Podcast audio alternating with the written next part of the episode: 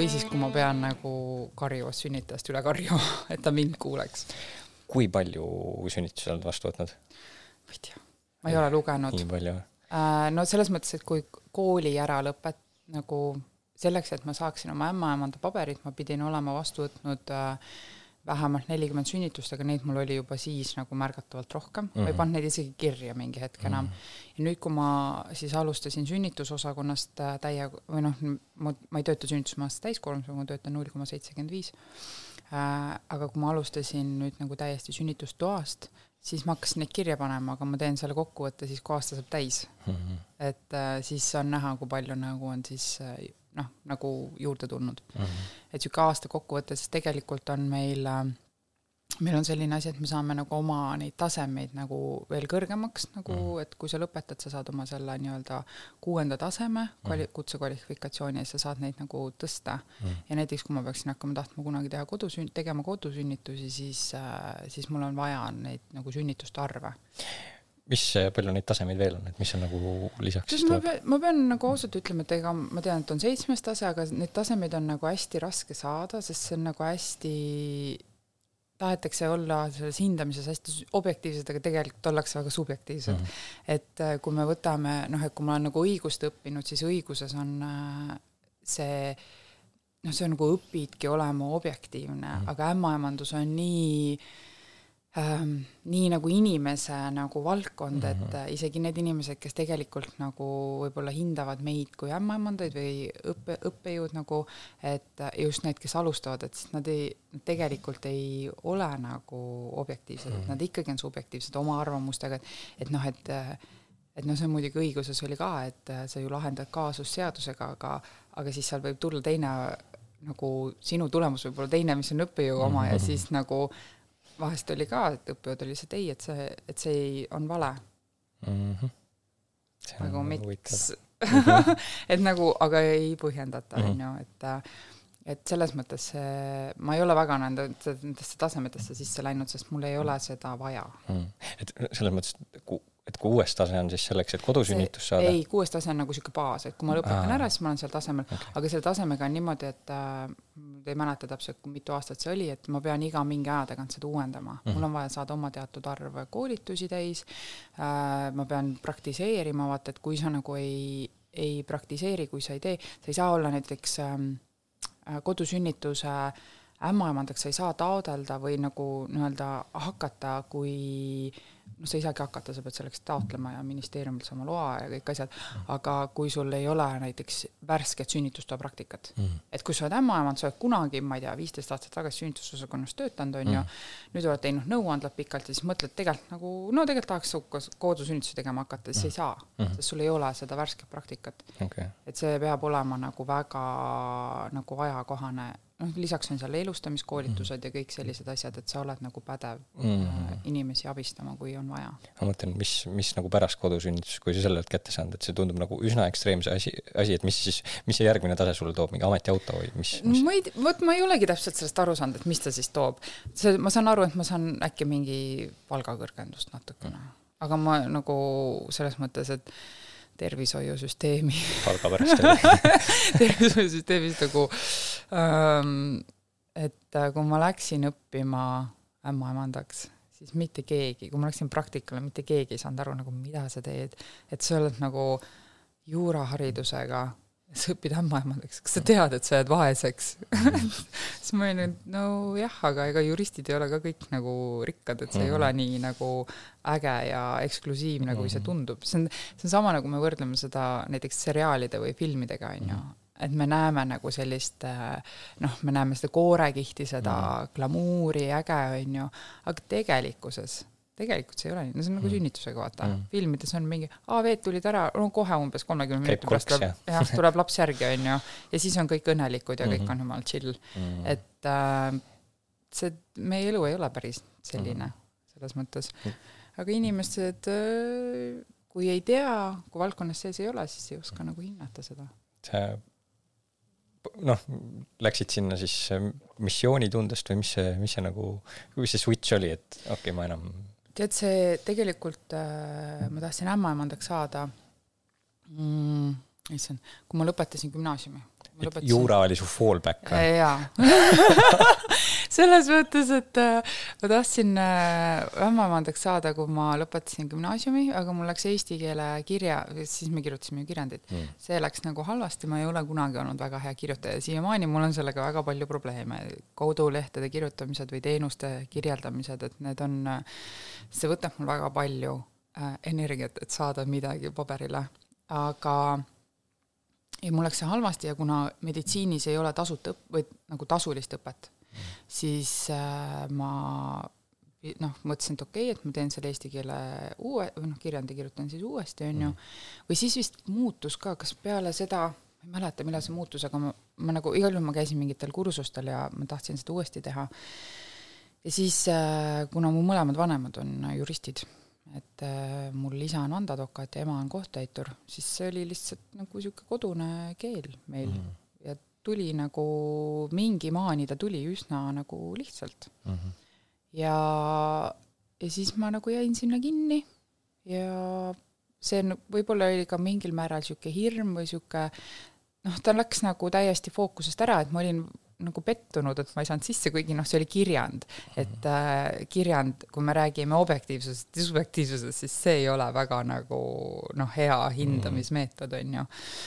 ja, ja siis äh, ma jäin sinna kinni siis üks hetk ma jäin rasedaks ja kui ma siis oma lapse ära sünnitasin, siis mul peale enda lapse sündi tuli see, nagu see tuli tagasi nagu alt üles, et tegelikult see on see, mis ma ikkagi teha tahan. Mhm. et see naiste toetamine ja ma arvan, et äh, see on väga ähm,, kui ma oleksin läinud peale kooli, ma ei oleks see inimene või see ämmaemand, kes ma olen nüüd, sellepärast et äh, kui me lähme, ükskõik mida me lähme õppima peale gümnaasiumit, me ei ole valmis inimesed. me oleme tegelikult saanud alles selle nagu noh, nii palju iseseisvaks, et me saame hakkama tõenäoliselt nagu omaette elamisega mm, -hmm. tõenäoliselt. noh, aga samas ikka on tore käia pühapäeviti ema juures pannkooke söömas.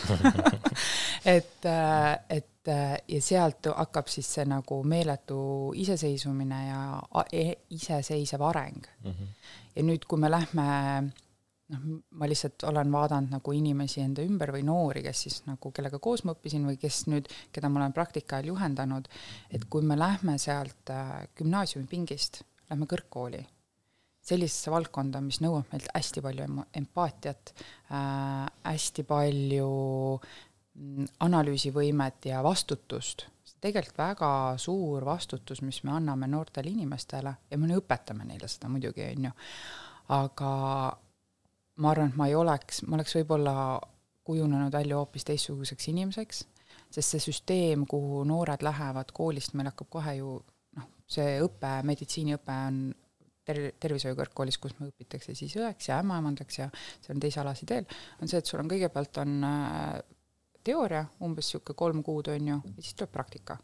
siis saab nagu selle praktikaga saab see teooria nagu lõpetatud, kinnitatud ja siis tuleb uus teooria, uus praktika. -hmm ja noh, see ei ole ju saladus, et meditsiinitöötajad on läbi põlenud, tööd on liiga palju äh, ja nii edasi, ehk siis kui me paneme need noored, kelle silmad säravad, kes tahavad aidata, kelle, kes paljuski lähevad õppima sellepärast, et nad tahavad aidata, ja siis me paneme nad äh, keskkonda, mis tegelikult ei toeta mm, -hmm. siis nad hakkavad kapselduma, nad noh, hakkavad ennast hoidma mm -hmm. ja, ja see muudab isiksust noh, selleks, et me peame kõik jääma nagu ellu ja toime tulema, ehk siis, et kes kuidas nagu sellega toime tuleb mm. -hmm. aga kui sa, kui kui sa lähed hiljem õppima, sa oled juba inimesena valmis mm. -hmm. et, et noh, et seda valmis inimest ei murra nii kergelt mm, -hmm. kui, kui seda noort, kellel puudub nagu selline võib-olla ähm, laiem pilt elust. ja noh, siis sa ju selli-, noh, vanemas, vanemana sa võib-olla tead paremini või kindlamalt seda, et nüüd see ongi see, mida ma tahan teha ja, ja siis sa oled Seda valmis ka, ka kõike Pingutama. seda või pingutama ja sa näed seda, noh, sa näed juba seda tulemit teiseks on hästi nagu äge kogemus on õppida ka nii, et et mida vanemaks me saame, seda rohkem laseme perfektsionismist lahti mm. -hmm. et, et see viis tunnistusel või viis nagu äh, A siis äh, nagu eksamil ei ole nii oluline, kui sa tead, mis see et sa tead, et sul on need, see info olemas mm. ja okei okay,, kui see ei ole mul olemas praegu, siis kui ma tean, et ma tahan selles valdkonnas töötada mm., siis ma kogu aeg nagu panustan sinna. jah, see, selles mõttes ma olin väga küps juba neljandas klassis, kui ma lasin kõikidel nendel hinnetel minna.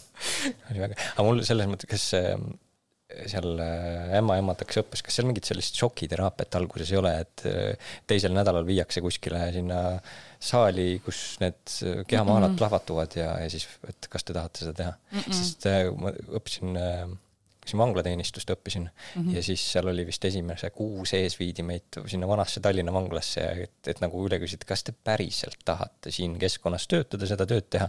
noh, nagu selles mm -hmm. mõttes, et see on üsna, üsna selline sünge koht oli tol ajal, nüüd on. ma mõtlen, ma nagu käisin seal, kui ma õppisin Tallinnas mingi põhikoolis, meid viidi ekskursioonile mm -hmm. Tallinna vanglasse. selline võigas onju seal oli nagu, see oli ka, et umbes tüdrukud, pange kõik juuksed kinni ja pikad riided selga nagu. siis, aga minu meelest see oli mingi šokiteraapia nagu kursus kursus lastele aga see noh, see täpselt sama asja tehti vanglaametnike nii-öelda mm. kursantidele ja tead, ei, äh, selles mõttes ei olnud, noh, esimene praktika on ju mm, -hmm. et sa oled selle esimesed teooriad ära õppinud, aga ma mõtlen, meil esimene praktik-, alguses me õppisime õendust mm, -hmm. et meil esimene oli õenduspraktika, no siis sa said juba mingil määral aru, mina sain õenduspraktika kui ma õppisin, läksin nagu õenduse praktikale, ma sain aru, et ma ei taha töötada äh, noh, meespatsientidega näiteks mm.. et see lihtsalt, äh, ma tahan töötada naistega, õendusvahet ei ole, kas siis nagu mingisugust naiste haiguste osakonnas või noh, selles mhm. mõttes mm, et see on minu nagu mugavustsoon mm. -hmm. ja selles mõttes, eks ikka õppe jooksul on olnud selliseid šokikohtasid, aga esimene ämmaevanduspraktika on teisel aastal mm -hmm. ja siis oli küll päris mitmed tudengid nagu jätsid äh, pooleli, kas siis võtsid akadeemilise või täitsa nagu läksid ära, et äh, sest nende jaoks oli nagu, et ei, et ma seda ei taha teha.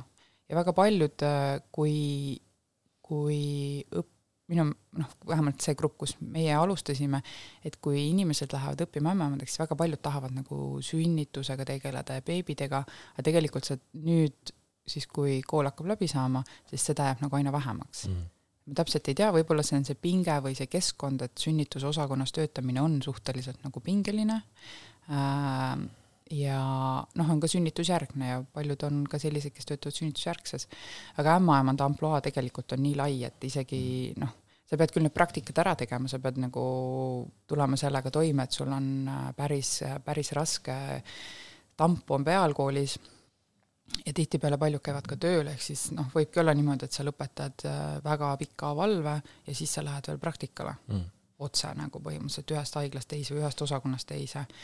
ja, noh, ütleme noorena on seda oluliselt kergem teha kui see, kui sul on väike laps ja mm., ja tahaks magada kodus tegelikult sa oled õppinud äh, siis sünnitusi vastu võtma mm. ja, ja nüüd sa lisaks sellele otsustasid, sa õpetad naisi, kuidas sünnitama äh, no jah, selles mõttes, et äh, ämmaemanda õpe on õnneks laiem kui ainult sünnituste vastuvõtmine, aga kui ämma, kui ämmaemandaks õppida, siis sa õpid nagu kõike, sa õpid rasedust, noh, sünnitust, eks, lapsehooldus, sünnitusjärgset ja tegelikult see ämmaemanda õpe või ämmaemand naisega koos on läbi naise elukaare mm. -hmm. et äh, meil on väga palju ämmaemandaid, kes teevad äh, noortenõustamist juba äh, ja siis noh, rasedus mm, -hmm. sünnitus, sünnitusjärgne ja ka hilisemas eas, et äh, et on palju selliseid toiminguid, mida tegelikult saab teha nagu ämmaemand, et naine ei pea minema naistearsti juurde mm. näiteks.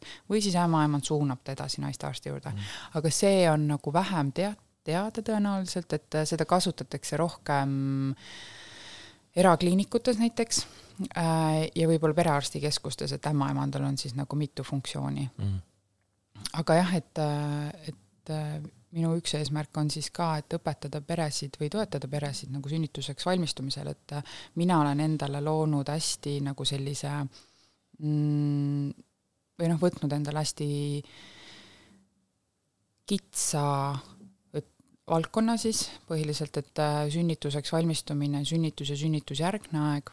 Ja see on lihtsalt see koht, kus ma ise tunnen, et äh, mul on kõige rohkem äh, pakkuda tõenäoliselt. ja teine asi on muidugi see, et ma olen hästi ebastabiilse elu, eluviisi austaja, et äh, mulle, mis sai ka mulle selgeks, kui ma töötasin kohtutäituri büroos äh,, mulle väga ei meeldi istuda üheksast viieni laua mhm. taga ja et kõik päevad on samad. ehk siis ähm, jah, sellise valiku ma olen teinud mäletan, äh, noh, sind ma tean siis läbi oma lapse ema kontakti sinuga nii on vist õige öelda. ja mäletan, kui ta tuli, üks teie nendest äh, rasedate joogadest, ta tuli sealt tagasi ja siis ta ütles äh, välja, et Henrik, pane nüüd valmis, äh, lahkliha-massaaž. et hakkame sellist asja tegema. see oli selline päris päris tore aktiveeriv sõna võib-olla mm., mis, mis endal pani ka nagu peas toime, noh, nagu seoseid looma, et okei okay,, miks, kuidas, mismoodi siis nagu avardas võib-olla seda maailma, et mis, mis päriselt toimub siis mm. sellistes nii-öelda ettevalmistavates loengutes, et äh, võtame siis sealtpoolt äh,, oma selle, nendes äh, nii-öelda kursustel mm, -hmm. mis te teete, mis, mis te teete nende naistega seal? tulevad sinna poolteist tundi seal? no mõeldakse, et nad tuleksid koos äh, partneriga ikka. Äh, no rasedate joogasse ei pea koos partneriga tulema, see rasedate jooga on selles mõttes äh, sünnitus tänapäeval ei ole enam nii äh, loomulik meile. Mhm. naised sünnitavad vähem, naised sünnitavad hiljem ja meie elustiil on äh, pigem istuv või siis me liigume ühe tasapinnaliselt, ehk siis me kõnnime või jookseme ähm, et meil noh, kui me mõtleme, et vanasti, vanasti inimesed ikka veel töötavad äh, ju äh, ka teevad nii-öelda põllul tööd, aga noh, meil nagu meie ühiskonnas praegu seda on vähem.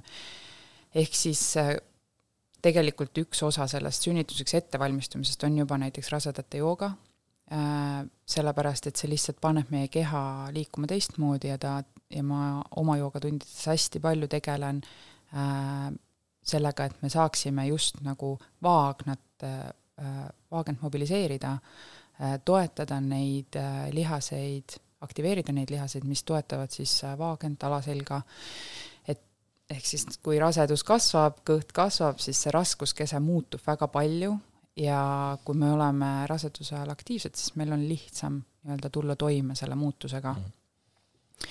nüüd see on nagu selline noh, need joogad siis ka lähevad kahte gruppi nagu laiali, et üks on see, kus me ei vestle, et me tuleme kokku, me teeme joogat, mulle meeldib teha rasedatega ka intensiivsemat joogat äh,, sest väga paljudele naistele meeldib pingutada ja et see, et nad on rasedad ei tähenda, et nad ei tahaks enam nagu pingutada, lihtsalt äh, me nagu ei paku neile piisavalt võimalusi võib-olla. Ja siis on teine joogatund, kus on siis koos vestlusringiga, mis on selleks, et äh, vahepeal ma tõstatan mingeid teemasid, küsimusi äh, noh, vastavalt sellele, mis ma olen nagu kas siis klientidelt tagasisides kuulnud või mis ma olen nagu töö juures näinud, et mis on need äh, võib-olla probleemikohad. Mm, ja see annab võimaluse ka naistel nagu tulla kokku teiste inimestega, kes on nendega samas kohas.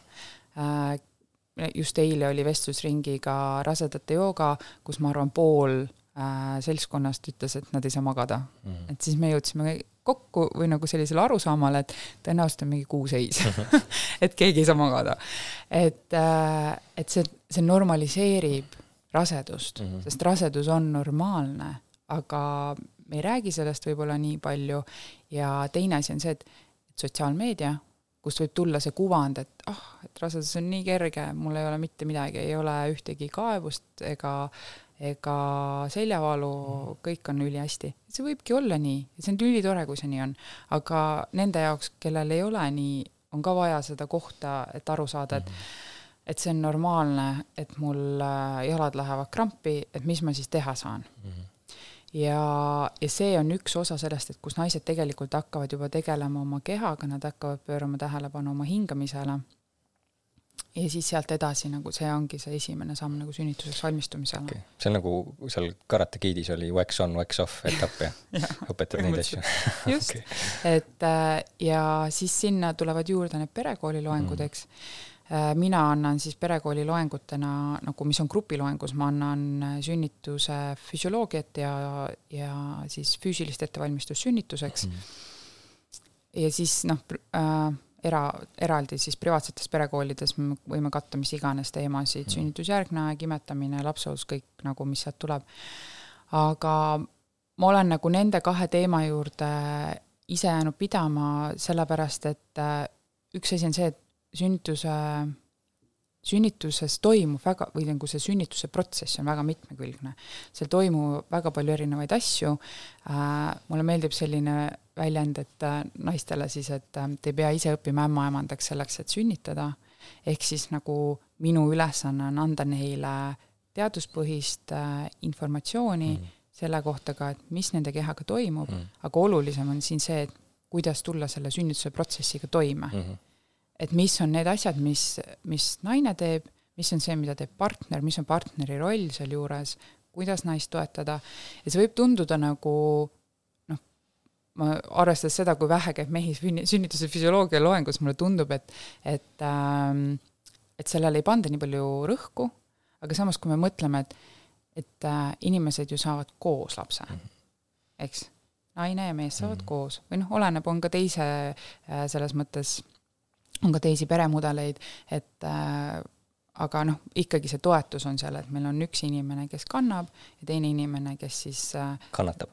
kannatab, jah, seda võib ka nii võtta, aga ma arvaks, et see, kes kannab, kannatab rohkem oleneb, on ju, et, äh, et seal on lihtsalt see, et, et kuidas no nüüd on kõik muutunud mhm. peredünaamika tegelikult on juba muutunud mm. -hmm. et kui me vaatame partneri äh, vaatevinklist, siis okei okay,, minu partner on rase.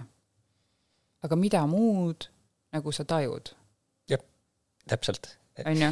ma korra tahan tegelikult tulla ühe asja juurde tagasi lihtsalt, et ma, muidu mul läheb meelest ära mm. -hmm. teaduspõhisus, äh, et see on see, millest sa lähtud, on ju mm. -hmm minu esimene mõte, kui ma mõtlesin, noh, kui ma kuulsin, noh, rasedate jooga ja siis noh, teeme ja oleme seal kuskil Kipi kvartali kuskil teisel korrusel, on ju, et siis ma mõtlen, ah fuck, mingisugune olen hästi šovinistlik praegu mm, -hmm. aga mingisugune kuramuse kanakari istub koos ja avab oma tšakraid ja siis pärast tuleb ja tuututab, kuidas kõik on tore ja hea olla, onju. aga siis, kui ma tulin esi-, noh, esiteks, kuidas Malle rääkis sellest kogemusest ja protsessist, onju.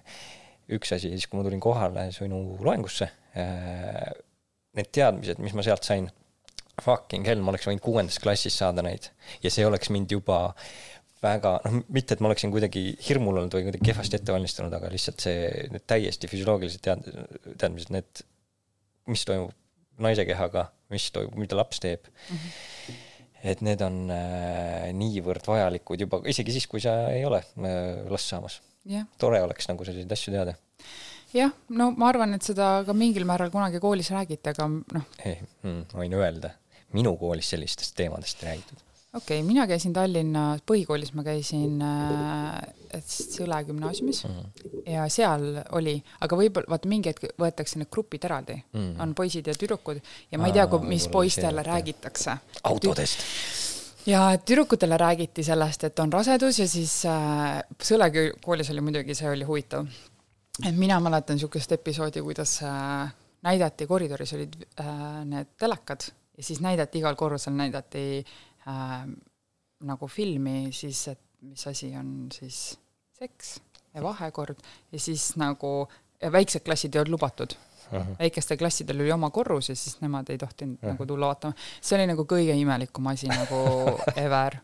et aga, aga noh, et need inimesed, kes neid loenguid teevad, et äh, näiteks see on ka asi, mida teevad ämmaemandad ja teevad mm. ämmaemandustudengid, kutsutakse andma siis äh, seksuaaltervise loenguid mm., mis on, mis on väga okei okay,, sest äh, keskmine Eesti inimene ei tunne ennast mugavalt rääkides seksuaalsusest yeah. ja veel vähem rääkides sellest lastele. ja, ja kui sa oled siiski õpetaja, sa pead nende laste ees pärast ka olema, vaata, et siis yeah. see tekitab teatava sellise. see võib tekitada, aga see on ka, vaata, see on hästi palju seotud inimese enda sellega, kui mugav tal endal mm -hmm. on, et noh, kuna minu valdkond on selline, nagu ta on, on ju mm, -hmm. siis noh, minul ei ole seal enam sellist äh, nagu valehäbi mm. -hmm.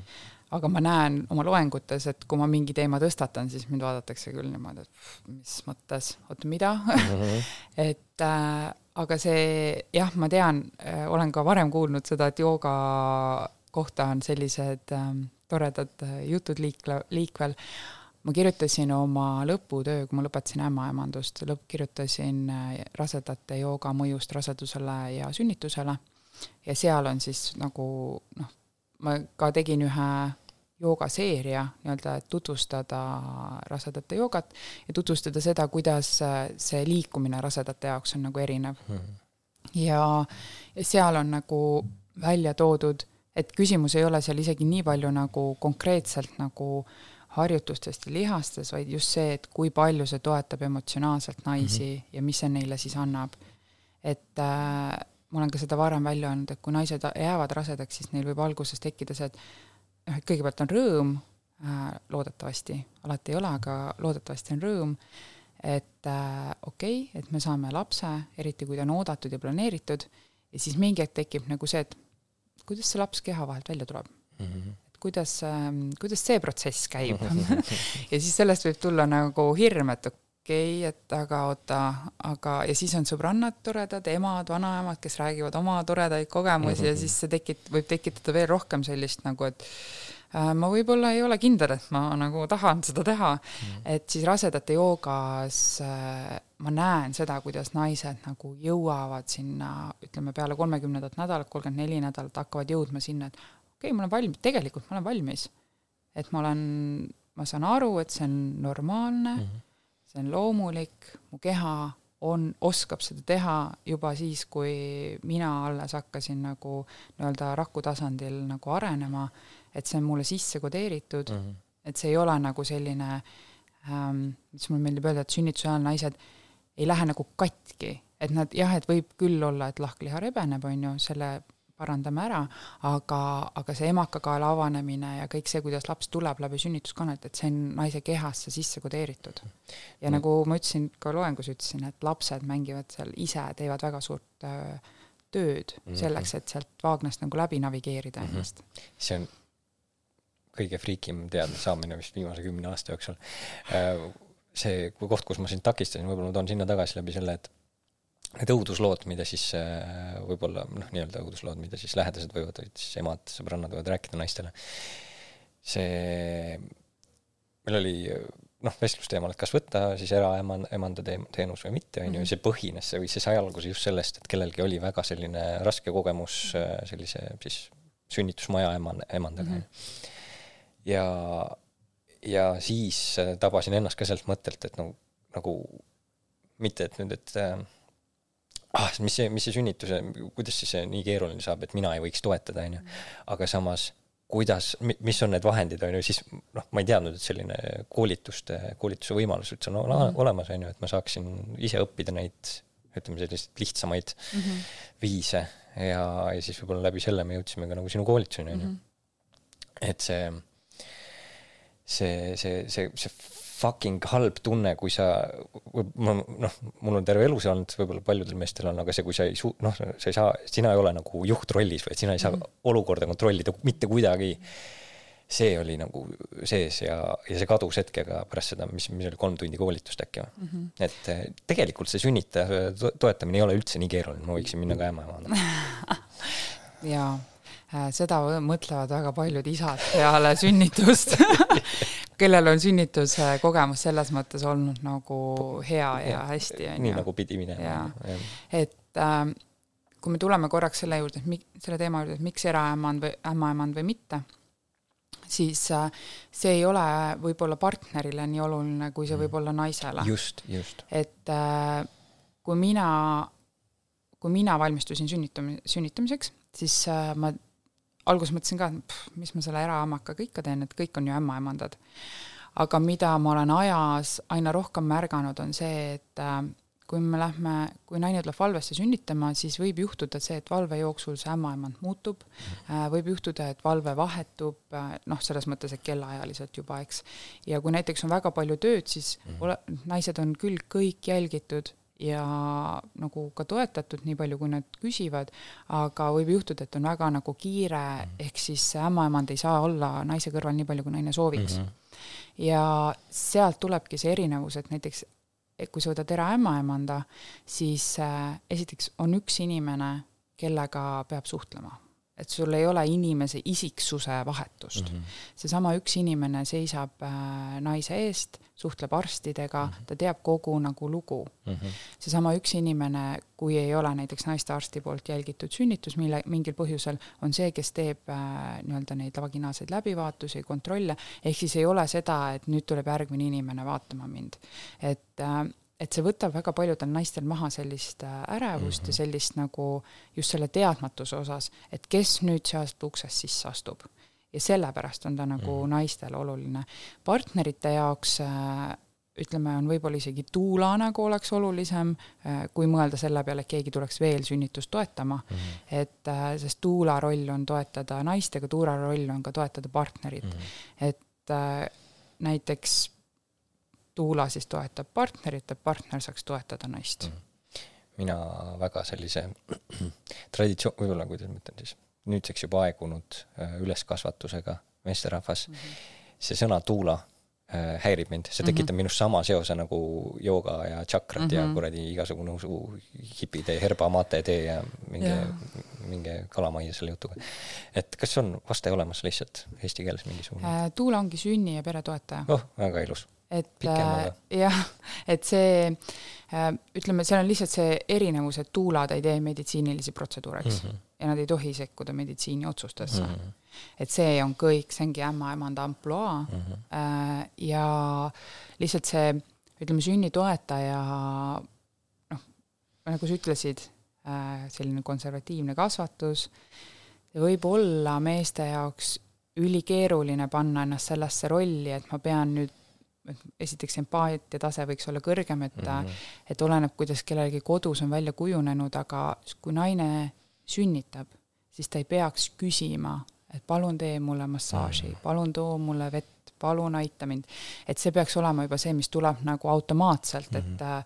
et iga tuhu vahel vähemalt kas või pakkuda vett või pakkuda puudutust, äh, pakkuda massaaži, mis siis, et võib-olla viis korda on öeldud nagu, et ära puuduta mind ja ära hinga, ole tasa, et, äh, et seda ikkagi nagu pakkuda ja pakkuda ja pakkuda, sest me kunagi ei tea, mis hetkel ta mm. nagu on valmis selleks või mis hetkel see teda aitab mm. -hmm. ja kui üks puudutus ei aita, võib-olla see on midagi muud, mis nagu mm -hmm. talle sobib, aga naine keskendub sünnitamisele, sünnitamisele ja ta ei, tal, kui muidu me oleme hästi mõnusalt äh, nagu planeerijad ja toimetajad ja kõik asjad nagu beebi tuleb, kõik mõtleme läbi, ostame, teeme kõik asjad nagu teeme valmis, nii-öelda justkui beebi jaoks, on ju, siis sünnitus on see koht, kus naine enam ei tee midagi ja ta ei peagi tegema ainuke asi, millele ta peab keskenduma, on sünnitamine mm. -hmm. ja siis on see tugiisik seal kõrval, kes peab mm -hmm. nagu võtma selle rolli üle mm. -hmm. aga kui me ei ole seda harjutanud, kui mm -hmm. me ei ole seda nagu teinud, siis meil on väga keeruline, et nagu kuidas ma nüüd hoolitsen kellegi teise vajaduste eest, mida, asi, mida ma ei ole pidanud varem tegema mm. -hmm. et äh, see on hästi huvitav koht ma just mõtlesin oma abikaasa peale ja sellele, kuidas meie nagu valmistusime, et me käisime koos äh, sünnit-, hoolduse loengul, tugiisiku loengul ja selleks lapsehoolduse loengul käisime koos, võib-olla käisime kusagil veel, aga ma enam ei mäleta, ja kui naine raseduse ajal kasvab emaks, siis mees raseduse ajal ei pruugi kasvada isaks mm. -hmm. ja siis see tuleb, kui laps sünnib, siis roll muutub, ta mm -hmm. peab hakkama järsku nüüd hoolitsema ühe väikese inimese eest mm. -hmm. teda pesema, teda noh, rahustama, pakkuma lähedust ja sealt kasvab nagu edasi, et tegelikult lapsed vajavad hästi palju emotsionaalset toetust. et äh, vaata, kui tubli sa sõid oma soki ise jalga, vaata kui hästi, vaata kuidas, kui tor-, toredasti sul välja tuleb, mhm. noh, mis iganes, on ju. et äh, ja see on võib-olla keerulisem, et mu enda abikaasa on öelnud, et äh, temal sellist head isa äh, figuuri ei olnud, kelle pealt nagu õppida või kelle pealt nagu matkida seda, et milline võiks siis nagu hea isa olla. ja ta on ise öelnud, et, et see on üks nagu raskemaid kohtasid, et sa justkui nagu leiutad jalgratast esimest korda mm, -hmm. sa ei tea, kas see on õige või vale mm, -hmm. siis aga kuidagi peab nagu toime tulema ja eks me ikka teeme oma vigu nagu laste kasvatamisel mhm. ka. aga noh, sama on ka sünnitusega, et kui sa ei ole selleks valmistunud, kui sa ei kui sa ei tea üldse, mis selles protsessis toimub äh, ja kui, mis hetkel siis mida pakkuda, mm. või, või et äh, näiteks, et mees võiks tuletada naisele meelde sünnituse ajal, et äh, kuule, et sa peaksid minema vetsu, sest naised kaotavad mm. täielikult ajataju. et see on ka selline asi, mida saab teha partner, et okei okay,, praegu on kell kümme, ta käis vetsus, et panna endale kas või mingi reminder, kuigi noh, seda haiglas ämmaemandad teevad niikuinii, et käivad ja küsivad mm, -hmm. aga kui te olete nagu kodus, et kodus ka see toetus, et ma arvan, et üks põhjus, miks äh, naised tulevad väga vara sünnitusmajja, on see, et nad tahavad nagu sellist äh, keskkonda ja sellist toetust, kus nad ise ei pea nagu küsima mm -hmm. ja seda nii-öelda välja võitlema enda jaoks mm. -hmm. see, mul käis äh, üks sõber, kellega ma vestlesin siin, ähm, käis Eestis äkki perekooli loengus ja kui me siin rääkisime, siis ta ütles, et äh, mitte kordagi ei räägitud isa rollist sünnitusel noh, perekooli, ehk et ja see oli, ma, äkki see oli eelmine aasta või mm -hmm. midagi sellist, kui ta käis, on ju. et siis ma mõtlen, et noh, me oleme ikkagi kuskil sellel teatud noh, tasemel, kus isa ei kaasata, kas on mingisugune nii-öelda lihasmällu jäänud selline prot-, protsess, need perekooli loengud, et tehakse kogu aeg needsamad vanad slaidid, mis oli kakskümmend aastat tagasi, neid näidatakse praegu ka, on ju, mis on selles veel kolm-neljandik mõõtmes, et ei ole seda widescreen'i ja mm -hmm. siis noh, et näed, et seal ei ole nagu mingisugust sellist värskendus toimunud, et kuidas sa ise tunned, et sinu kogemuse pealt äh,? Minu meelest, kui käia nendel sünnitusmaja loengutel, siis seal on see, et see isa või see tugisiku rolli loeng on eraldi mm. -hmm. et äh, siis lihtsalt võib-olla see läks neist mööda mm. -hmm. Aga, jah, jah, võis olla küll niimoodi. et see sünnituse loengus iseenesest, mina olen selle pannud sinna kokku sellepärast, et et nagu inimesed saaksid aru, et sünnituses on erinevad etapid ja et erinevates etappides nüüd tulebki hakata nagu, et see toetus on erinev mm. -hmm. et ma ei tea, kui palju sa mäletad minu loengust, et aga kui ma näiteks, kui me rääkisime sünnituse latentsest faasist mm, -hmm. siis mhm. seal nagu see tugiisiku roll oli väga minimaalne mm, -hmm. sest see on veel see koht, kus naine võib olla rõõmus, rõõsa, mhm. toimetab ise ringi mm -hmm. ja tuleb ise nagu toime pigem.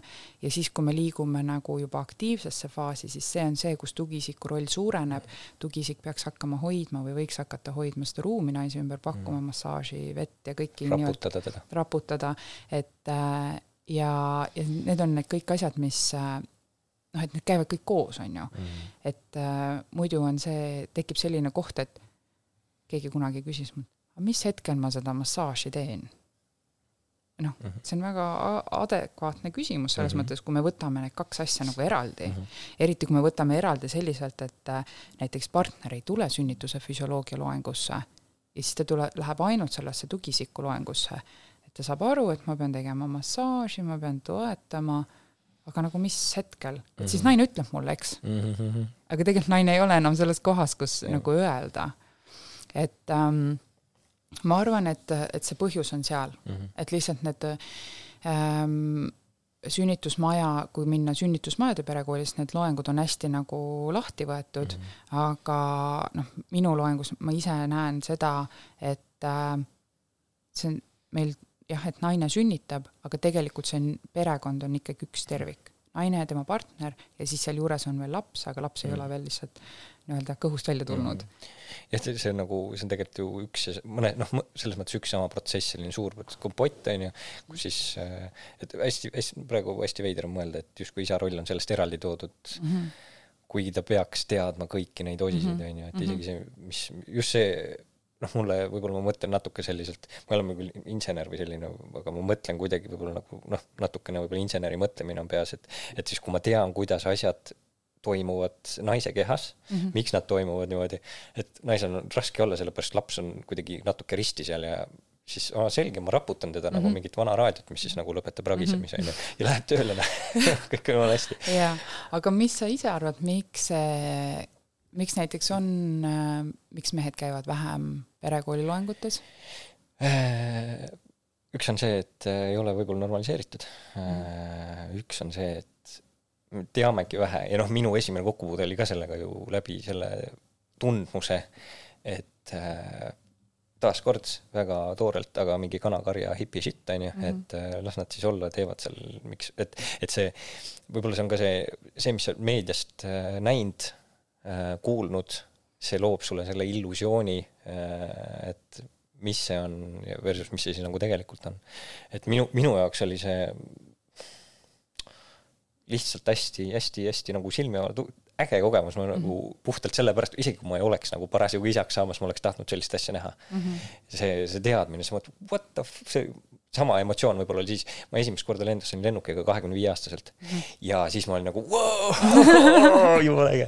ma enam-vähem tean, mis toimub, aga ma ei tea, mis toimub ja siis see oli nagu, sa saad selle päris -hmm. sealt kätte ja see avastamisrõõm, et äh, see on, see on jah veider, ma nagu pärast olen arutanud selliste värskete isadega, juba kogenud isadega, onju et kas te tegite sellist asja läbi, et vastus oli kas, et eraämmaemad või siis üks perekooliloeng ja, ja siis kuidagi tuldi läbi sellest mm. -hmm. aga, aga see emotsioon, kui, kui sa saad nagu seal päriselt sees olla, nii et sa tead enam-vähem, mis toimub, sa oskad seda nagu pakkuda seda tuge ja see valmisolek, et see on võib-olla olulisem, see valmisolek yeah, pakkuda. jah et sa ei peagi midagi tegema just. mulle tundub, et see sünnituseks valmistumine nagu naistel äh, on nii-öelda, et nad kasvavad emadeks, siis kui me saame selle isa nüüd oma selle kesta sees kätte ja saame ta tegema neid harjutusi ja pakkuma seda toetust, emotsionaalset toetust ja füüsilist toetust, siis ka neil on võib-olla lihtsam äh, nii-öelda lastega ja mm -hmm. lastele seda pakkuda yeah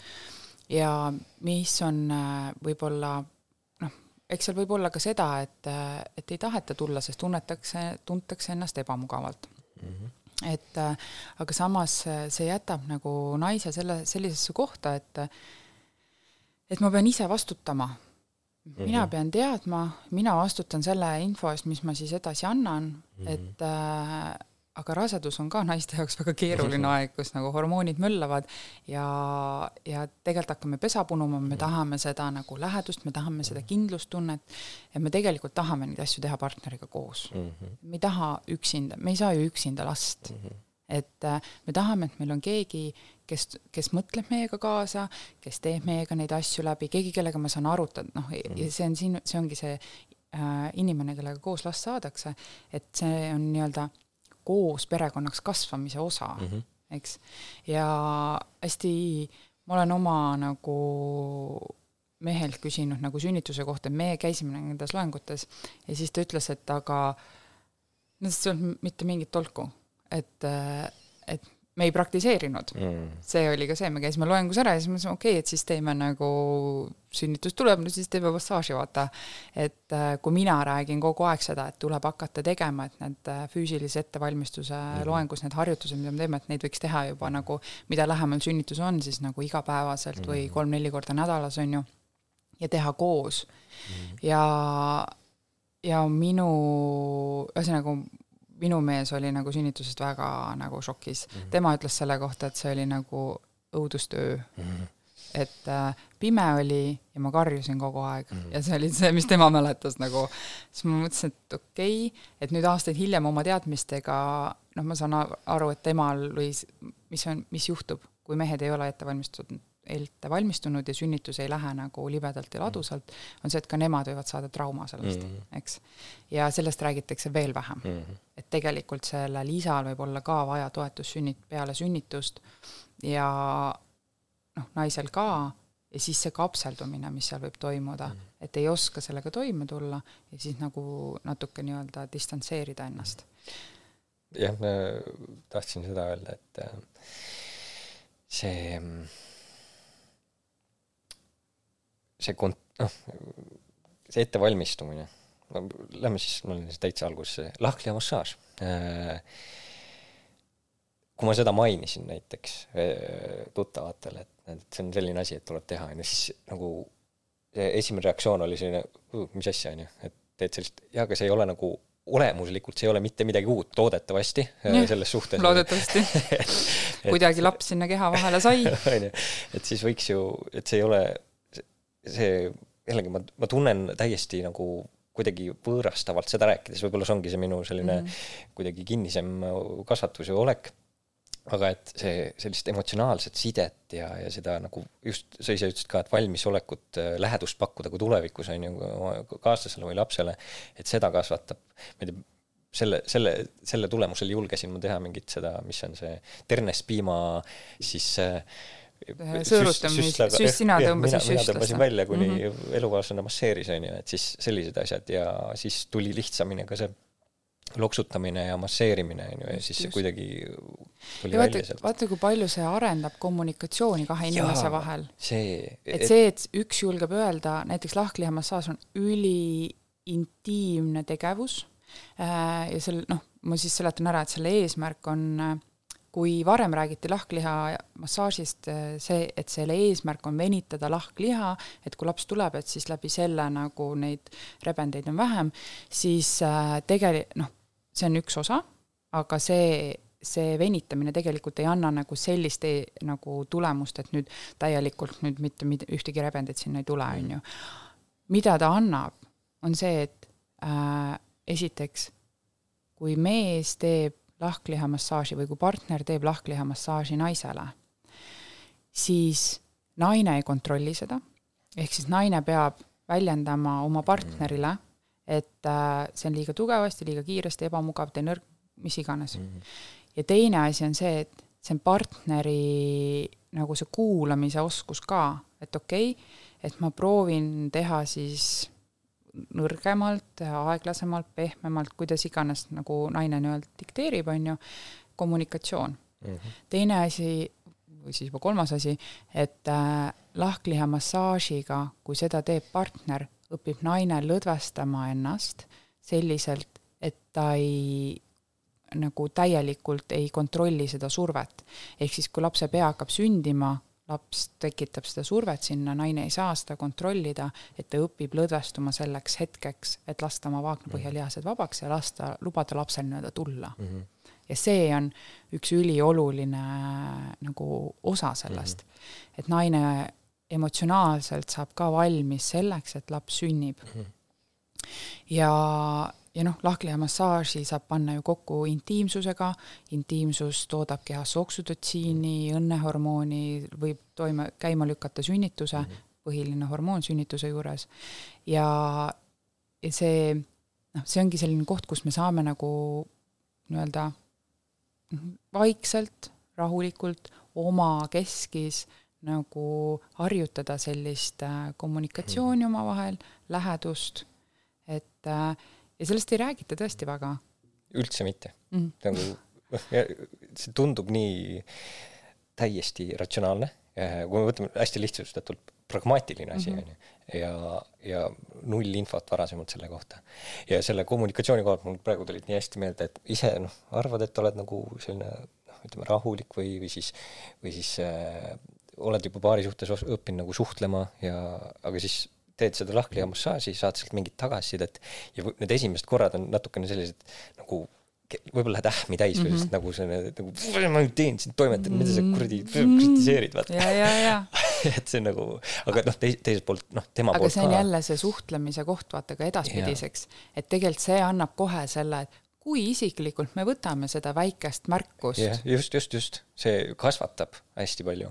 Ja noh, teiselt poolt ka siis partner äh, siis oskab neid sõnumeid võib-olla äh, mitte, mitte noh, nagu selgemalt näiteks väljendada mm -hmm. või et kui ongi, et siin me oleme sellises olukorras, kus sa pead olema väga konkreetne ja selge, siis noh, et nüüd, nüüd on see koht vaata, et mm, -hmm. et, et see, see, need kaks kuud või palju me tegime seda, et see oli väga selline esimene, kui oleks esimest salvestust vaadanud ja viimast salvestust vaadanud, siis oleks nagu väga selge hüpe olnud, vaata mm. mm. -hmm, just, ja see on ülitore, kui inimesed teevad neid asju koos, et see, mul on ähm, kui mina küsisin oma mehe käest, et nagu kas te siis nagu, sul on ju sõpru, kellel on lapsed, siis ta ütles, et me ei räägi niisugustest asjadest. ma olin nagu, et millest te siis räägite? autodes. aga, aga tal oli üks sõber, kellel oli neli last minu meelest tollel hetkel, nüüd tal on neid rohkem.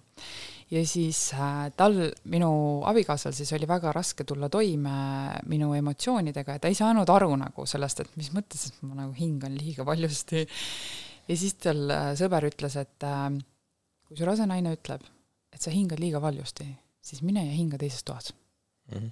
et, et lihtsalt noh, see ongi see erinevus jälle, et naised ju kasvatavad last, nad hakkavad tundma, kuidas laps liigutab ja see hormoonide mäng seal, kes kuidas millega toime tuleb, on ju, või need nutuhood. ja nüüd siis on kõrval on partner, kelle nagu midagi ei ole tema jaoks veel ei ole midagi muutunud peale selle, et äh, naine võib-olla on nagu ebastabiilsem ja kõht kasvab suuremaks, on ju. et äh, ja siis ta on seal oma selle selles keskkonnas, mis tegelikult nagu justkui ei ole muutunud, sest reaalset last veel ju ei ole, aga samas on nii palju muutunud. et, et nagu ongi, et ma tulen koju ja naine lihtsalt nutab. mis ma tegin, mis nüüd on mm., küsimus on siis, kas, kas me siis nagu arendame seda suhet, et, et vahest noh, vahest tahamegi nutta ja, ja võtta selle, et ma ei tea, näiteks see küsimus, et kas sul on vaja, et ma midagi teeksin või sul on vaja, et ma lihtsalt oleksin olemas mm. -hmm sest me tahame parandada. Mm, yeah, noh, nagu mulle tundub, et mehed tahavad, mina tahaksin, mina tahaksin parandada. Või ma aastaid tagasi olin ka selline, et nagu oo, et äh, nüüd keegi tunne, nutab. Või ma tundsin üliebamugavalt, kui keegi nagu nutis, mis ma nüüd teen, vaata. Mm. et aga see on ka oskus, mida me saame arendada. Mm nüüd, kui naine nutab kõrval, siis ma panen jalad laua peale ja joon õlut. ma ei pea kogu aeg, aga see on küll jah, see esimene reaktsioon on äh, äh, pakkuda lahendust üleüldse nagu mm -hmm. Meestele sisse kodeeritud, et naine tuleb, kurdab mure ja siis tegelikult ta tahab rääkida, aga sina hakkad, ei okei okay,, nüüd, nüüd me teeme niimoodi mm. -hmm. ja, ja see tuleb kuidagi jah, välja hammustada endast või, või keel hammaste vahel hoida või kuidagi. see nõuab harjutamist yeah.. see tegelikult, seal on nii palju et see, mul on ülihea meel näha, kui mehed tulevad perekooli loengusse ja isegi kui, isegi kui neile tundub see nagu mõttetu äh,, siis selle, tema partneri jaoks on see juba oluline, et ta seal on mm. -hmm. et see näitab tema huvi äh, sünnituse vastu, lapse saamise vastu ja partneri vastu mm. -hmm. et see on ka nagu oluline aspekt ja olles lapsevanemad kui varem ei ole see selgeks saanud, siis lapsevanematena me teeme väga palju asju, mis ei lähe kokku meie huvidega nagu väga-väga-väga palju. et äh, ma pean ausalt ütlema, et ninja kilpkonnadega mängimine ei lähe isiklikult kokku minu mis asja? minu suurima huviga. mis seal, mis seal halba on, mis seal iga seal ei ole mitte midagi halba, see lihtsalt ei ole asi, mida ma valiksin enda tegevusse vabal päeval, aga kuna me saime lapse, siis ma hea meele ja suurima rõõmuga mängin ninja kilpkonnadega ja mängin ämblikmehe kostüümimänge, et äh, noh, need ongi asjad, mis me teeme teise inimese jaoks, sest me ju tahame teise inimesega koos olla, me tahame, et meil oleks see perekond äh, ja hoida seda ja kasvatada seda. ma ei tea, miks mul pähe hüppas, äh, tegelikult ma tean küll, miks see pähe hüppas, kes sul lemmik ninja kilpkonn, esiteks? kui sa saaksid, kui sa nagu lähete mängima lapsega, onju, ja siis mm. ta võtab selle kilpkonna ära, siis sa oled natuke, ah, kurat, ma tahtsin teda äh,? issand, Ralfi. Ralfi, okei okay. mm, -hmm. hea vastus. meie, meil on muidugi poisil on väga äge see, et ta, me, tal oli just sünnipäev, sai seitsmeaastaseks ja siis ta valis endal, ta kogus raha, sai sünnipäevaraha, ta ostis endale mingi meeletu suure ninja kilpkonna nagu selle, on niisugune mänguasi nagu Agul, nagu noh, see, kus ninja kilpkonnad mm -hmm. nagu elasid, on ju. Mhm. ja siis äh,, ja siis aga äh, mina ei lugenud pakendit ja mees ei lugenud pakendit, seal ei olnud ühtegi ninja kilpkonna sees mm. -hmm. aga tal oli kodus kaks tükki, aga siis ma ütlesin, et noh, et otsin need välja, ühel ei ole jalga ja teisel ei ole vist ka midagi on puudu ja siis ta tõi need, ütles, et nendega ei saa ju mängida, need on ju täiesti vigased.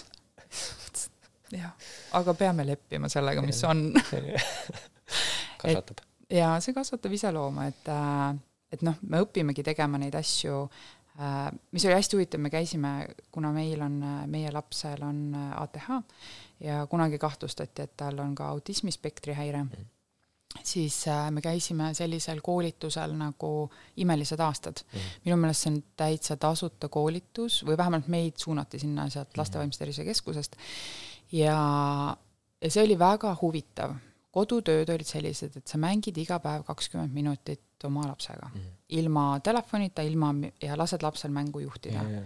et õppida, et õpetada vanemaid pöörama lapsele sellist nagu tähelepanu, sellist fokusseeritud mm. tähelepanu. ja ma arvan, et see on ka asi, mida saab tegelikult juba enne hakata nagu kasvatama, et näiteks võtta moment õhtul oma partneriga, et ähm, et tulla, võtta kokku mingid teemad, et võib-olla midagi, mida tahaks rääkida või midagi, mis toimunud. Äh, meil oli mingi vahe, kuna minu abikaasa on pigem nagu ööinimene ja mina olen hommikuinimene, siis meil oli mingi vahe, noh, väikse lapse kõrvalt ei olnud nagu seda vaba aega ja ma olin üliväsinud, kui ma õppisin, siis äh, meie kakskümmend minutit oli see, et ta luges mulle õhtul raamatuid mm, -hmm. mida mina pigem tahtsin lugeda, mis olid mm -hmm. lapse arenguga seotud, ja siis ta luges mulle nagu äh, raamatuid ette õhtul, kuni ma jäin magama ja siis ta läks tegema oma asju mm. -hmm ja see andis väga palju juurde, just seda lähedust ja, ja emotsionaalset toetust. et äh, mis läheb paari suhtes tihtipeale nagu kaduma peale lapse sündi, ongi see füüsiline, emotsionaalne lähedus, sest me oleme, kui laps sünnib, siis me alguses oleme sellisel äh, äh justkui tulekahju kustutamise mm -hmm. staadiumis mm -hmm. ja, ja magamata ka sealjuures ja siis võivad need väiksed asjad hakata veel rohkem nagu segama mm. -hmm. et kui me sünnituseks ja lapse saamiseks valmistume koos, siis tõenäoliselt äh, see periood, kui laps on sündinud, et kui mees teab, mis toimub äh, äh sünnituse ajal, mm, sünnituse järgselt äh,, mingis osas võib-olla ka imetamist selles mõttes, et jah, et mees ei imeta, aga mis on see naise vajadus seal mm. -hmm. et äh, ja need väiksed sellised äh, ajalised investeeringud on need, mis pikas perspektiivis tegelikult annavad meile nagu juba näiteks selle suurema emotsionaalse läheduse, et et kui naine ütleb, et, et kas sa tuleksid minuga koos magama, et kuigi ise võib-olla ei ole väsinud, et noh, et see võib olla tema viis väljendada seda, et tegelikult ma tahan nagu, nagu lähedust mm. ja koosolemise aega või siis näiteks koos kärutama minemine et äh, ja teine asi on see, et, äh, et me saaksime ka aru sellest, et et äh, naine vajab ka üksinda olemise aega. et kui naine ütleb, et me tuleme töölt koju, laps on magama läinud või magama nagu pandud, on ju, ja, ja siis me võib-olla, võib-olla me siis tahame nüüd hakata nagu oma päeva, noh, töö, emotsioonid, kõik, mis toimub nagu väljaspool kodu, hakata seda nagu jagama, maha laadima ja võib-olla ka füüsilist lähedust ja kui naine läheb nagu tõesti, et ma ei taha, ära nagu ära tule, ma ei taha, et nagu mõista ka seda poolt, et äh, et laps on kaks või laps on kakskümmend neli tundi naisega mm. koos. isegi kui ta tunniks ajaks läheb ära, imetamine, kussutamine, päeval koos olemine ja see võtab megalt energiat mm. ja see võib tekkida selline asi nagu äh, mul läks see sõna nüüd meelest ära, aga et, et füüsilist lähedust on liiga palju mm. -hmm. Sellist hästi, hästi, jah, üleküllus on ju. ehk siis, et olla ka teadlik sellistest protsessidest mm, -hmm. et see ei ole see, et naine nagu nagu isiklikult tõukab mm -hmm. oma partnerit eemalt, ma ei taha sinuga koos olla. kõht täis põhimõtteliselt ja, ja sorry, ma ei taha, isegi kui see creme brulee on väga hea visu. just, just, et nagu ja need on kõik sellised asjad, mida noh, kus sa seda teada saad mm? -hmm. mulle Mall saatis mulle Instagramis klipi, noh, see oli äkki kaks kuud juba oli, Timo oli vana, siis ma töötasin, tulin nagu tööle tagasi ja siis saatis klipi lihtsalt selle kohta, et mõnikord naine ootab äh, kaheksa tundi seda, et mees tuleks ja võtaks lapse ta käest mm. -hmm. ja see, see oli ka selline nagu pani paugu, et ah, et ta noh, võib-olla on rääkinud või maininud mm -hmm. või saatnud neid sõnumeid, on ju, mhm. aga siis see kuramuse mongoli aju siin peas äh, ei äh, ei võta kinni seda mm, -hmm. seda oluliselt ja siis äh, ongi vaja nagu need puust ja punaseks ette teha et.... mina sõitsin lapsega mehele töö juurde autoga järgi, et ta jõuak-, et ta saaks kiiremini võtta lapse mm.. sest ma olin nii väsinud ja nii nagu stressis, et äh, ma lihtsalt ei suutnud ja meie laps tolereer-, tolereeris autosõitu väga hästi, talle üldse liikumine väga mhm. meeldib äh,. ehk siis paningi lapse juba kell neli panin autosse ja siis me olime, siis tal oli uneaeg ka enam-vähem, siis me istusin autoga mehe töö ukse taga ja ootasin, et äh, kell sai viis, siis helistasin, kus sa oled mm. -hmm.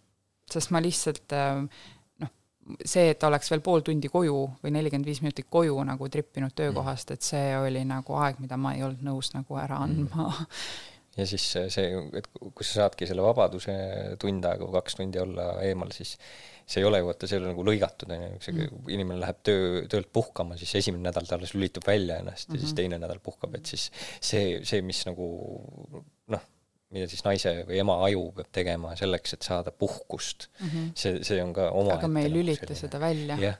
ja see on teine asi, naised ei lülita seda mm -hmm. välja, me ei, meil ei ole seda võimekust, et kui me oleme isegi kodus lapsega, samal ajal kui laps on isaga ja ta nutab või on rahutu, siis me, naised kuulevad lapse nuttu oluliselt valjemini ja see mõjutab neid oluliselt rohkem kui näiteks isasid. aga te talute seda palju paremini, siis mina panen kohe kõrvatropid, kui jaa, jaa, no sest sa oled nagu harjunud, vaata, sa lõpuks lepid selle keskkonnaga, kus sa oled, on ju.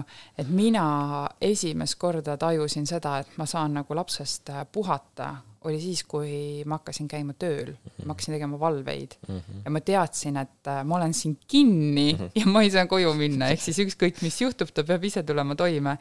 ja siis ma tundsin, et ma puhkasin, ma käisin reaalselt, ma töötasin äh, ITK äh, sünnitusmaja sünnitusosakonnas hooldajana mm -hmm. ja ma käisin puhkamas mm -hmm. sünnitusosakonnas töötades. sellepärast, et ma ei pidanud äh,, ma sain selle osa välja lülitada mm -hmm. seal, aga mitte kusagil mujal. Et isegi kui laps oli lasteaias või, või kui ma olin koolis, ei saanud, sest oled kogu aeg valvel, sa kogu aeg, mul ei ole küll väga, lasteaiast on vist ühe korra ainult helistatud, et laps on nagu, nagu palavikus. Mm, -hmm. aga, aga oled kogu aeg valvel või, või siis mingisugune taustamüra, et kui ma täna siia tulin, ma ütlesin ka, et noh, jälle läks külmaks, et oh, et lapsel pole talvekindaid, no selge, et mul on täna vaba päev, ma pean minema talvekindaid otsima, tead, et see käib naistel Mhm. ajus kogu aeg, kogu aeg ketrab. Noh, ja siis, siis ongi nagu keeruline, kui sa ei saa isegi seda hetke, et nagu mm -hmm. minna joogasse või trenni või, või niisama minna toidupoodi ilma, et sul oleks laps kaasas mm. -hmm. kuigi ma ütleksin, et toidupoes käimine ei ole puhkus, aga see tundub nagu puhkus mingi hetk.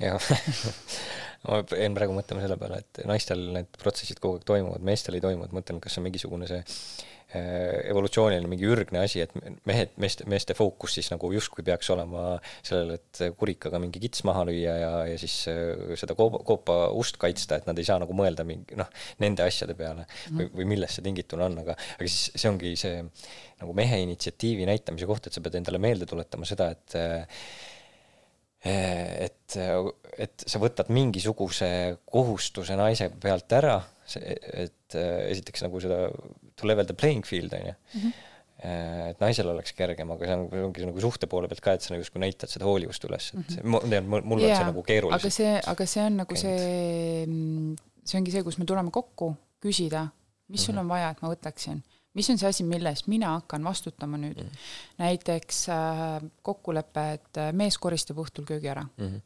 Paneb nõud nõudepesumasinasse, teeb kõik korda, et kui hommikul ärgata, siis ei ole seal segadust ees, on ju, sest no ma ei tea, see on minu isiklik asi, mulle üldse ei meeldi minna hommikul kohvi tegema, kui ma näen nõudehunikut ah,.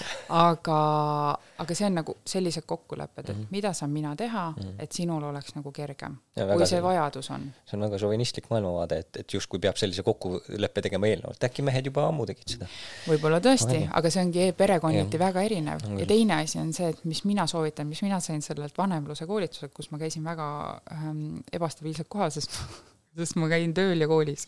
aga oli see, et ma panin endale kalendrisse äh, igaks õhtuks ühele kellaajale märkme Karli aeg mm. -hmm. mu poisi nimi on Karl mm. -hmm. ehk siis mul andis telefon äh,, kalendrist tuli teade, nüüd hakkab Karli aeg, selge, panin telefoni ära äh,, läksin lapse juurde, vaatasin, kas ma saan tema mängu sisse minna, kas ta kutsub mind oma mängu sisse ja sealt hakkas siis meie ühine mängimine. kui noh, ega see ei olnud nagu, et kakskümmend minutit siis lõikan nagu niimoodi nagu noaga, on ju, et mõni päev mul oli rohkem aega, siis ma sain seda rohkem teha, mõni päev vähem aega. selle järel ma tänasin teda selle eest, et ta minuga mängis mm, -hmm. kuidas ta mängis peegeldasin talle mm ja siis ma läksin, nii-öelda lõpetasin selle tegevuse ja läksin tagasi. et äh, noh, see on juba siis natuke suuremate laste puhul mm. -hmm aga kui on äh, näiteks beebi, samamoodi võid panna endale telefoni märkme, et äh, mis iganes kell sa töölt koju jõuad, ma ei tea, kella kuuest äh, seitsmeni on äh, minu ja beebi aeg mm. -hmm. et äh, isegi si kui see beebi ei tee mitte midagi. isegi kui see beebi ei tee seal, mitte midagi, aga, aga kui ta teeb mm -hmm. väeks, siis äh, sina võtad mm, -hmm. kui ta teeb väeks, vahetad mähkme, et nagu ja ise mm -hmm. nagu selles mõttes, et õppida ka last tundma mm, -hmm. et, äh, et mis, et kui laps hakkab nutma, äkki tal on, äkki tal on vaja mähet vahetada mm, -hmm. mitte tal Erinevad ei ole ema vaja. see oli friiki-tiigi asi jälle üks asi, mida Instagramis Bruta saatis mulle, et kolm põhi nagu äratuntavat sellist nuttu, onju.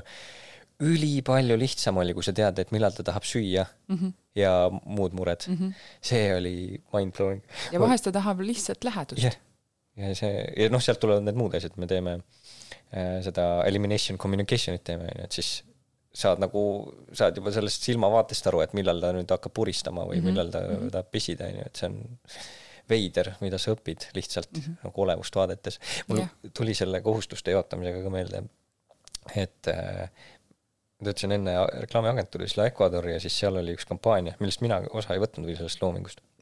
Oli see Papsiga kodus kampaania, kes, ehk siis, et isad, julgustada isasid isapuhkust võtma või siis vanemapuhkust, mis nüüd on õige nimetus. ja seal oli, tehti küsitlus või uuring, uuriti naiste käest ka kogu seda teemat. Ja mis seal tuli välja, oli see, et naised, no see on muidugi mingi viis aastat vana kampaania äkki või isegi rohkem, aga et naised pelgasid või ei julenud anda isale seda võimalust, et isa puhkust võtta, et, et laps üksinda isaga jääks mm. -hmm. et see nagu, see näitab nagu seda noh, sellist kontrollimise vajadust. kontrollimisvajadus, aga näitab ka seda, et äh, isad võib-olla ei olegi tõestanud seda, et äh, laps saab minuga olla jah, vaata, seal on ka see, et kui ema läheb kodust ära ja laps jääb nutma ja siis isa saadab sõnumeid, et kuule, et ta mm. nutab, et millal sa tagasi tuled, millal sa koju tuled mm., et kaua sul läheb, on ju, siis see ei tekita naises seda enesekindlust yeah,, et ma saan minna ja välja lülitada mm ennast, eks. aga mõnikord tuleb jätta asjad rääkimata mm. -hmm mulle meeldis see, mina ei saanud viia oma last lasteaeda, sest iga kord, kui ma ta sinna viisin, siis ta röökis nagu ratta peal ja ma nutsin, kui ma läksin lasteaiast ära, sellepärast et no lihtsalt ma ei, noh, emad nutavad, kui nad peavad, kui sa pead jätma oma lapse kuhugi, kus ta mm -hmm. nutab ja sa tunned, et tal on halb mm. -hmm. mis tunne see on, millega sa tahad minna tegema mingeid asju, on ju. ja siis meil oli niimoodi, et äh, kuigi lasteaiaõpetaja nagu ütles mulle, et ei, ei, kohe, kui sa silme alt ära läksid, et siis ta lõpetas nutmise ära mm, -hmm. siis pärast ma sain teada, et tegelikult päris nii kiiresti see alguses ei käinud aga ta jättis mulle rääkimata selle mm, -hmm. sellepärast et ta teadis, et muidu mul on veel raskem mm. -hmm. ja siis me tegime mehega kokkuleppe, et mees viis last lasteaeda mm. -hmm. ja minu mees üldse jäi lapsega koju, kui mina läksin kooli. et äh, kui Karl oli kaheaastane, ma alustasin oma õpinguid ja aga tal oli, ta oli kogu aeg haige ja siis me leidsime võimaluse, et ema saaks jääda siis noh, kuna mina õppisin mm, -hmm. mul oli päevaõpe lisaks siis sellele, et ma andsin joogatunde, et, äh, et leida see võimalus, et tema saaks jääda nagu koju, sest noh, ta ei saanud ka võtta nii palju isa nagu neid haigu-, noh, nagu isa puh-, mitte isapuhkust, vaid haiguse, haiguslehte mm. -hmm. ja mina ei saanud üldse, sest ma olin koolis nagu mm, -hmm. et äh, et tema on teinud seda väga hästi läbi aastate, et ta mm -hmm. isegi kui on olnud nagu halb või raske äh, lapsega kodus, siis ta ei väljenda seda mm, -hmm. kui ma olen reisil või kusagil, kusagil, kusagil ära, et ta, küll alguses, ta tegi seda ja siis ma ütlesin talle ka, et mõtle, kui raske mul on, kui ma olen kus, noh, kus iganes, ma käisin ju koolitamas ennast äh, in, äh, Inglismaal rasedate jooga õpetajaks, et ma olen ära, ma, ma olen nädal aega ära ja ma tean, et teil on nagu raske ja te ei saa, te nagu noh, te saate hakkama, aga nagu niimoodi ääri-veeri, on ju. Mhm. ja peale seda, nüüd ma just hiljuti käisin Barcelonas kuigi laps oli tõbine, ütles, et kõik on okei okay. mm., saab, noh, nüüd on laps muidugi suurem ka, on ju, et aga see annab selle kindlustunde, et okei okay,, et nad saavad hakkama mm.. et äh, ma ei pea nagu muretsema mm. -hmm. sest ega kui me oleme eemal, me niikuinii ei saa midagi teha. mõnikord siis tuleb välja, et tasub saladusi hoida suhetes. mõnes osas tasub. me oleme üritanud seda teha, et äh, et ma justkui analüüsin seda, mis toimus, et oligi keeruline, et võib-olla noh, Mallil on mingid oma nipid, kuidas ta, eile ma mõtlesin, kuidas mina panen Timmi magama, ma võtan ta sülle, onju, siis ma mhm. kõigutan, siis ma teen mingeid väljaasteid, siis ma lähen selle bouncy, bouncy palli peale, onju, ja siis Mall paneb lapse voodisse äh,, läheb ta kõrval, laps nutab, aga ta helditab, silitab, musitab ja siis magic magab, onju. võib-olla võtab sama kaua aega kui minu see kuradi põrgatamine mm -hmm. seal ja ei tekita liikuvussõltuvust, onju. Mhm. ja siis vaatad ja mõtled, et no kurat, peaks ka proovima, on ju, mhm. aga kui sa ei näe kõrvalt, kuidas see toimub või sa ei ole arutanud seda, et siis ei teagi, et toimib. tasub jälgida, mida naised teevad väga äh,. sest nemad on kõige rohkem lastega koos. aga ikkagi tuleb endal ka võtta see, sest mingi noh, isad teevad asju teistmoodi mm -hmm. lastega ja see on oluline et äh, siis, kui lapsed saavad natuke suuremaks, siis neil on vaja isa, kes mm -hmm. näitab, et näed, väljaspool pesa on veel nii mm -hmm. palju erinevaid võimalusi mm, -hmm. kuidas asju teha mm. -hmm. et tule, lähme avastame maailma, on ju. ema on see nagu lähedus, see kindlustunne, see on kodu, siis isa on see, kes kutsub nagu, et lähme vaatame mm. -hmm lähme avastame. ja see on okei okay,, see ongi mm, -hmm. see on mõlema inimese, kui on äh, paarisuhe, siis mõlemad lapsevanemad peavad leppima sellega, et mingeid asju võib-olla teeb ema paremini mm, -hmm. aga see ei mhm. tähenda, et ainult tema peaks seda tegema, mhm. on ju, sest ta võib-olla ei ole mingi hetk kättesaadav mm. -hmm. ja mingeid asju teeb isa paremini, ähm, noh näiteks ninjadega mängib meie kodus ikkagi issi paremini mul on äh, üks küsimus sulle, hästi oluline, kas teil kakalaul oli või? Mm. -mm. ei olnud või? kurat ma olen ühe inimese saanud siia ainult kakalauluga. ei, meil on selles mõttes, et äh, Karlil on äh, nagu väga kiire, nagu ta on, on ka tema seedimine väga kiire ja tema emotsioonid väga kiired, ehk siis äh, põhimõtteliselt oli, kui ülevalt sisse läks, siis alt juba tuli. noorus on ilus aeg mm. -hmm. nüüd pead ikka ja. vaeva nägema sellega. okei okay. mm.. mul ei ole mitte midagi enam uurida su käest nii palju sai läbi räägitud.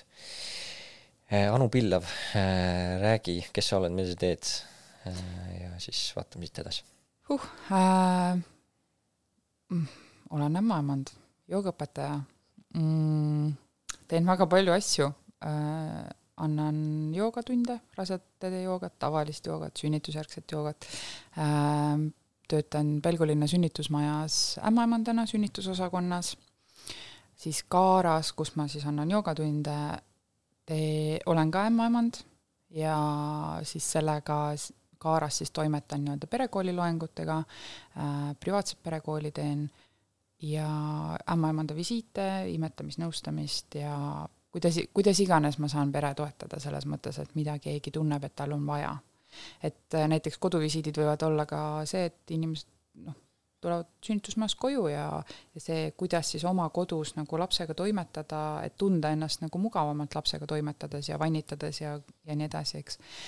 ja nüüd siis septembrist äh, ma alustasin ka tuulaõpinguid, et äh, täiendada ennast siis pere ja sünnitus nagu toetaja valdkonnas, aga minu jaoks on see pigem see perekonnapsühholoogia ja mm. mida siis tuuladele õpetatakse võib-olla võib-olla rohkem või, või ütleme, võib-olla neile õpetatakse, kuidas praktiseerida rohkem kui ämmaemandatele, sest ma tunnen, et see pere dünaamika ja perede koos nagu lapse saamiseks ettevalmistamine on, läheb nagu sinna sünnituse teemasse sisse tegelikult.